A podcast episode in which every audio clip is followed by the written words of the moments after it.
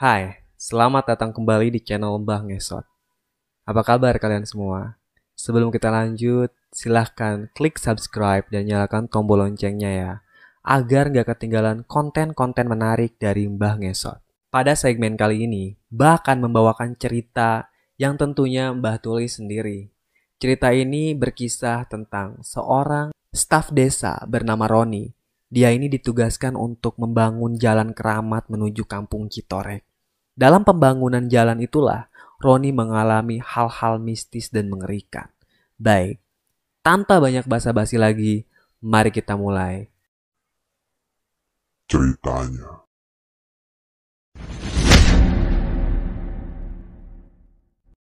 Aku Roni. Aku adalah staf desa. Di desaku, ada sebuah jalan keramat yang hanya muat satu mobil. Jalan itu menuju kampung Citorek. Kampung Citorek ini terpisah dari kampung-kampung lain. Tapi walaupun begitu, Citorek menjadi andalan desa kami.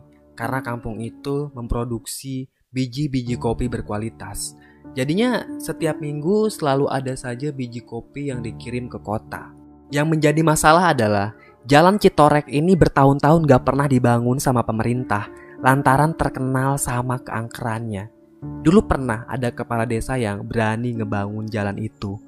Dan di tengah-tengah pembangunan, tiba-tiba lima pekerja hilang begitu aja. Tapi semakin ke sini, kampung Citorek ini malah semakin terkenal karena biji kopinya.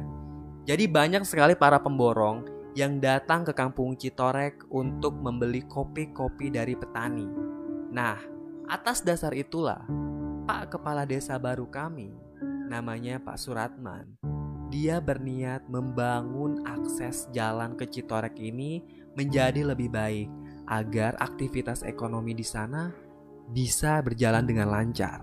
Aku sebagai staf desa sudah menyarankan Pak Suratman untuk menghentikan rencana pembangunan itu karena sangat berisiko.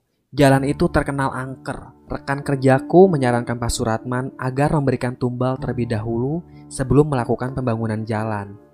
Biar para penghuni jalan itu tidak mengganggu pekerja. Pak Suratman setuju atas usulan itu. Lalu dia malah menunjukku sebagai kepala penanggung jawab untuk pembangunan jalan Citorek. Roni, Bapak percayakan pembangunan ini sama kamu ya kata Pak Suratman. Kenapa harus saya, Pak? Tanyaku. Jawab Pak Suratman, Roni, kamu itu adalah staf paling senior di sini. Dan kamu udah biasa kan dengan proyek kayak gini. Jadi, Bapak percayalah sama kamu. Aku gak bisa nolak. Akhirnya, aku terima tugas itu. Tapi jujur ya, aku gak akan gegabah. Sebelum mulai pembangunan, aku datang ke orang pintar untuk menanyakan apa yang harus dilakukan agar para pekerja nanti selamat. Akhirnya orang pintar itu menyarankan kalau aku harus memberikan tumbal kepala kambing dan darah ayam di jalan tersebut. Sehari sebelum pembangunan, aku dan rekan-rekan kerja melakukan ritual pemenggalan kepala kambing dan menaburkan darah ayam ke tengah-tengah jalan tersebut. Besoknya, pembangunan pun dimulai. Aku mengerahkan alat-alat berat untuk memperluas jalan tersebut juga meratakan permukaannya. Bukan hanya itu saja, aku juga membangun mes atau tempat tinggal untuk para pekerja karena kebanyakan dari para pekerja tersebut berasal dari luar desa. Aku juga bahkan membangun mes untukku dan si Dimas. Dia itu rekan kerjaku. Karena kampung kami itu lumayan jauh dari kampung Citorek. Jadi repot kalau misalkan harus pulang malam. Sampai malam tiba, pekerjaan ini berjalan dengan lancar. Tapi keesokan paginya, aku menemukan ada tanda silang yang terbuat dari darah di setiap mes para pekerja, termasuk di mes tempat aku dan Dimas tinggal. Siapa yang melakukan ini? Bukan hanya itu saja, salah seorang pekerja juga membawa kepala kambing yang barusan kami kubur kemarin. Katanya dia menemukan kepala kambing itu tergeletak di tengah jalan. Aku heran, siapa yang membongkar kepala kambing itu. Jam 12 siang, ku dengar seorang pekerja berteriak kesakitan. Buru-buru ku hampiri pekerja itu dan ternyata dia mengalami kecelakaan. Kaki kanannya tertimpa beton yang sangat besar. Kami harus mengangkat beton itu dengan alat berat. Saat kulihat kaki pekerja itu, tulangnya remuk, kakinya juga gepeng. Itu udah gak ketolong lagi, pasti harus diamputasi. Buru-buru kami membawa pekerja itu ke rumah sakit di kabupaten. Setelah pembangunan itu memakan satu korban, aku langsung mengkonsultasikannya kembali ke orang pintar. Kata orang pintar tersebut, aku harus membakar kemenyan di sepanjang jalan Citorek. Aku pun melakukannya. Dan pembangunan jalan itu tetap dilanjutkan. Di hari berikutnya, tanda silang itu bertambah satu di depan mes kami. Itu jelas menggunakan darah. Aku rasa memang ada yang sedang meneror kami. Kata Dimas, kita harus cari tahu siapa yang meneror kita, Ron. Dan jawabku, gak perlu dim. Kita harus fokus aja sama pekerjaan ini. Saat para pekerja sedang membangun drainase, tiba-tiba dari kejauhan aku melihat seorang wanita paruh baya sedang membawa sebakul timun. Dia menghampiri salah seorang pekerja dan membisikkan sesuatu. Setelah itu, wanita itu pergi begitu aja. Karena penasaran, ku hampiri si pekerja tadi dan menanyakan apa yang dibisiki si wanita. Dan pekerja itu menjawab, "Oh, wanita tadi cuma bilang hati-hati kalau kerja di sini." Pengerjaan drainase pun kembali dilanjutkan. Tapi gak lama berselang, Aku melihat ada salah seorang pekerja yang kencing di pinggir jalan. Buru-buru ku hampiri dia dan menugurnya agar tidak bertingkah sembarangan. Dan bener aja, setelah dia kencing, dia berteriak kesakitan sambil memegangi kelaminnya sendiri.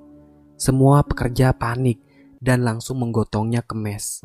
Aku terkejut saat si pekerja itu membuka celana.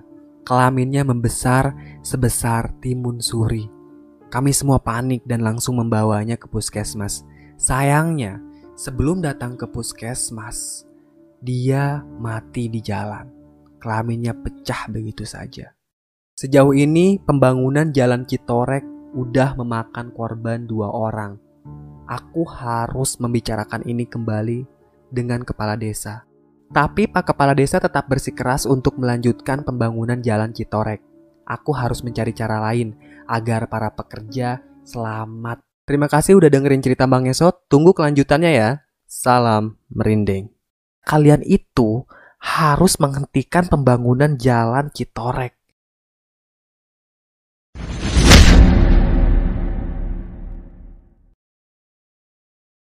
Selamat datang kembali di channel Bang Esot. Terima kasih udah klik channel ini. Sebelum kita lanjut, silahkan klik subscribe dan nyalakan tombol loncengnya ya biar nggak ketinggalan konten-konten menarik dari Mbah Ngesot. Segmen kali ini masih bercerita tentang tumbal pembangunan jalan part 2. Oke, tanpa banyak basa-basi, mari kita mulai ceritanya. Setelah memakan dua orang pekerja, pembangunan jalan Citorek aku hentikan terlebih dahulu selama dua hari. Aku harus cari cara agar para pekerja bisa selamat.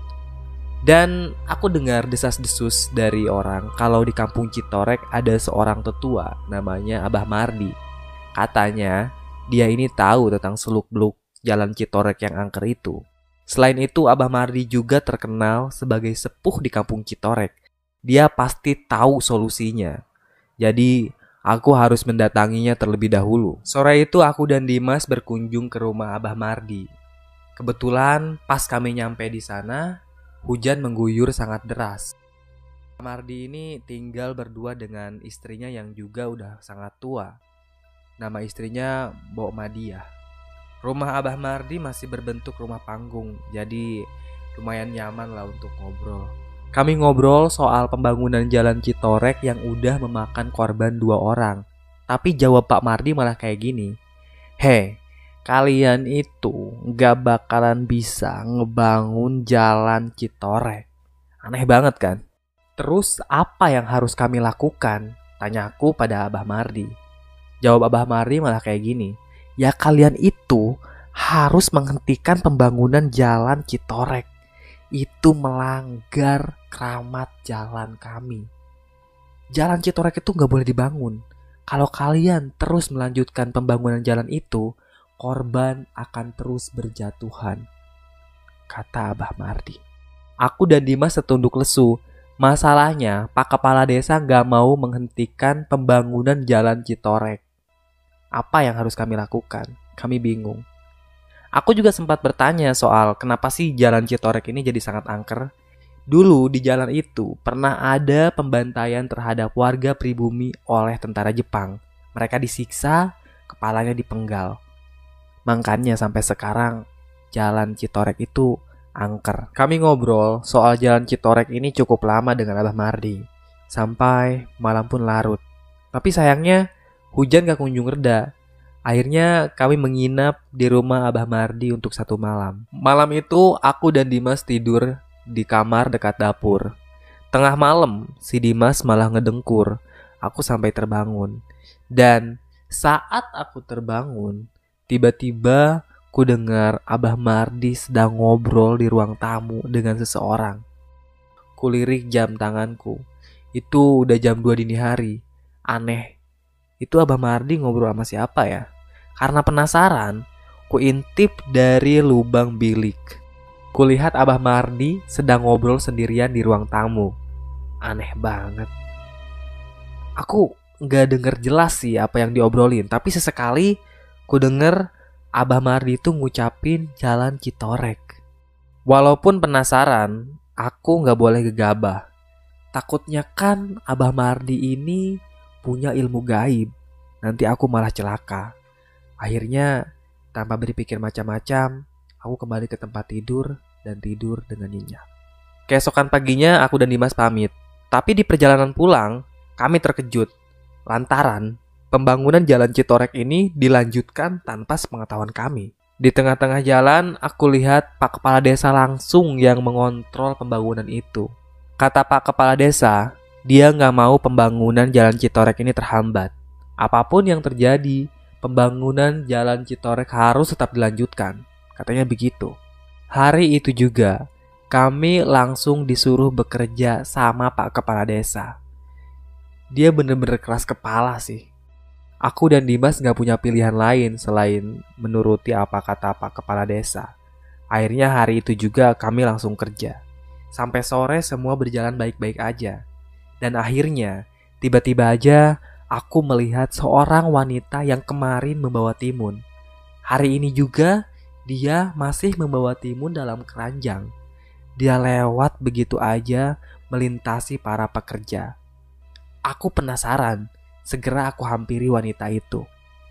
Dia jalan dengan santai melintasi para pekerja. Karena penasaran, aku langsung menghampiri wanita itu. Wanita itu berkata seperti ini padaku. Tolong kamu hentikan pembangunan jalan Citorek ini Begitu katanya. Aku bingung. Takutnya kan itu adalah sebuah petanda buruk. Jadi tanpa pikir panjang lagi, saat itu juga aku bubarkan semua para pekerja. Bodoh amat mau dimarahin Pak Kepala Desa atau enggak. Yang penting aku udah nyelamatin nyawa mereka. Sebelum bubar, aku mengumpulkan para pekerja dan menyuruh mereka untuk memeriksa temannya masing-masing. Takutnya ada yang celaka atau yang hilang. Dan benar aja, salah satu pekerja mengaku kalau dua orang temannya itu hilang entah ke mana. Kami pun panik dan langsung mencari dua pekerja itu. Sampai larut malam, dua pekerja itu nggak ditemukan. Terima kasih udah dengerin cerita-ceritanya Bang Esot. Tunggu kelanjutannya ya. Salam merinding.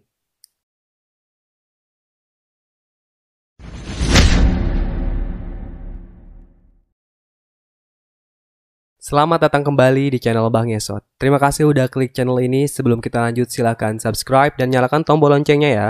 Agar nggak ketinggalan konten-konten menarik dari Bang Yesot. Mbak juga mau infoin kalau sekarang Mbak udah nulis lagi di Kumparan. Jadi teman-teman bisa baca karya Mbah di Kumparan dan di Line Today. Untuk link bisa klik di deskripsi ya. Pada segmen kali ini Mbah masih mau cerita tentang tumbal pembangunan jalan part 3. Oke, tanpa banyak basa-basi lagi, mari kita mulai ceritanya. Setelah aku tahu kalau ada pekerja yang hilang, aku langsung lapor ke Pak Kepala Desa. Semua aktivitas pembangunan jalan Citorek aku hentikan terlebih dahulu. Tapi anehnya, Pak Kepala Desa itu kayak nggak peduli. Dia malah bilang kayak gini. Yah, nanti kita cari deh. Tapi pembangunan itu jangan dihentikan ya. Bapak mau jalan Citorek itu harus tetap dibangun dan diselesaikan. Jujur, aku pribadi menolak kalau pembangunan itu dilanjutkan karena sangat berbahaya bagi para pekerja. Lantas, aku memundurkan diri dari proyek itu. Pak Kepala Desa akhirnya mengangkat si Dimas sebagai ketua pelaksana untuk pembangunan jalan Citorek. Tapi aku pribadi sebagai temannya Dimas nggak mau tinggal diam. Aku harus cari cara lain untuk menjinakkan jalan Citorek ini. Pembangunan jalan itu pun dilanjutkan, tapi sudah berhari-hari pekerja yang hilang nggak ditemukan. Aneh banget. Seolah-olah pihak desa itu lepas tangan. Padahal itu kan masih tanggung jawab mereka. Si pekerja yang hilang ini berasal dari luar daerah, mungkin keluarganya belum tahu. Aku nggak kebayang kalau seandainya anak istrinya tahu bapaknya ini hilang, mungkin mereka akan sangat sedih. Jadi untuk itu aku berusaha sebisa mungkin untuk cari cara biar pekerja yang hilang ini bisa ditemukan. Akhirnya aku datang kembali ke Abah Mardi. Aku sih masih yakin kalau Abah Mardi ini punya rahasia yang terpendam. Dia pasti tahu di mana pekerja itu sekarang dan bagaimana cara menjinakkan jalan Citorek. Hanya saja Bah Mardi ini kayak menyembunyikan sesuatu. Jadi aku terus mengejarnya untuk mencari tahu dan mencari cara agar jalan Citorek ini bisa jinak. Sayangnya Abah Mardi ini kayak nyembunyiin sesuatu. Dia itu nggak mau terbuka sama aku. Padahal aku yakin kalau Abah Mardi ini adalah kunci dari rahasia jalan Citorek. Dia pasti tahu di mana pekerja yang hilang saat ini. Akhirnya aku ngotot ke Abah Mardi. Aku bilang padanya, "Bah, aku nggak akan mau pulang sampai Abah ngasih tahu bagaimana cara menemukan pekerja yang hilang itu dan bagaimana cara menjinakkan jalan Citorek ini." Setelah dua hari aku menginap di beranda rumah Abah Mardi, akhirnya dia ngasih aku petunjuk.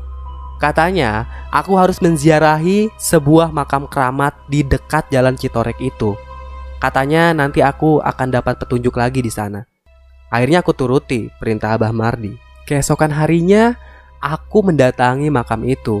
Aku sempat kesulitan mencari makam yang lokasinya dekat dengan jalan Citorek. Tapi ternyata banyak orang yang tahu lokasi makam itu. Di sana aku menziarahi makam yang aku sendiri tidak tahu itu makam siapa. Sehari setelah menziarahi makam yang tidak aku kenal, aku bermimpi sesuatu dan aku yakin mimpi itu adalah petunjuk. Di dalam mimpi itu, aku bertemu dengan seorang kakek tua. Dia berkata padaku, "Kalau kau mau menemukan pekerja yang hilang itu dan mau jalan itu menjadi aman dan tentram, kamu harus menumbalkan seorang bayi perempuan." Gila, aku tidak mungkin menumbalkan bayi perempuan demi ngebangun jalan. Sinting, ini memang permainan setan. Aku sempat bilang ke Dimas tentang mimpi itu dan dia bilang kami nggak mungkin memenuhi tumbal yang dipinta para setan jalan Citorek tanpa tumbal bayi perempuan. Pembangunan jalan itu terus dilanjutkan. Setelah satu bulan, akhirnya pembangunan itu selesai. Kami menemukan hal aneh. Jalan yang semula utuh tiba-tiba hancur porak-poranda, seperti ada yang baru saja menghancurkannya. Aku gak ngerti siapa yang melakukan ini. Gak mungkin ini dilakukan oleh manusia, soalnya tidak ada alat berat di sini. Dan aku yakin yang melakukan ini adalah setan jalan Citorek. Selesai. Terima kasih udah dengerin cerita-cerita Bang Esot. Jangan lupa baca cerita Mbah juga di kumparan ya. Klik link di bawah. Ayo. Tunggu konten-konten menarik dari Bang Esot. Salam merinding.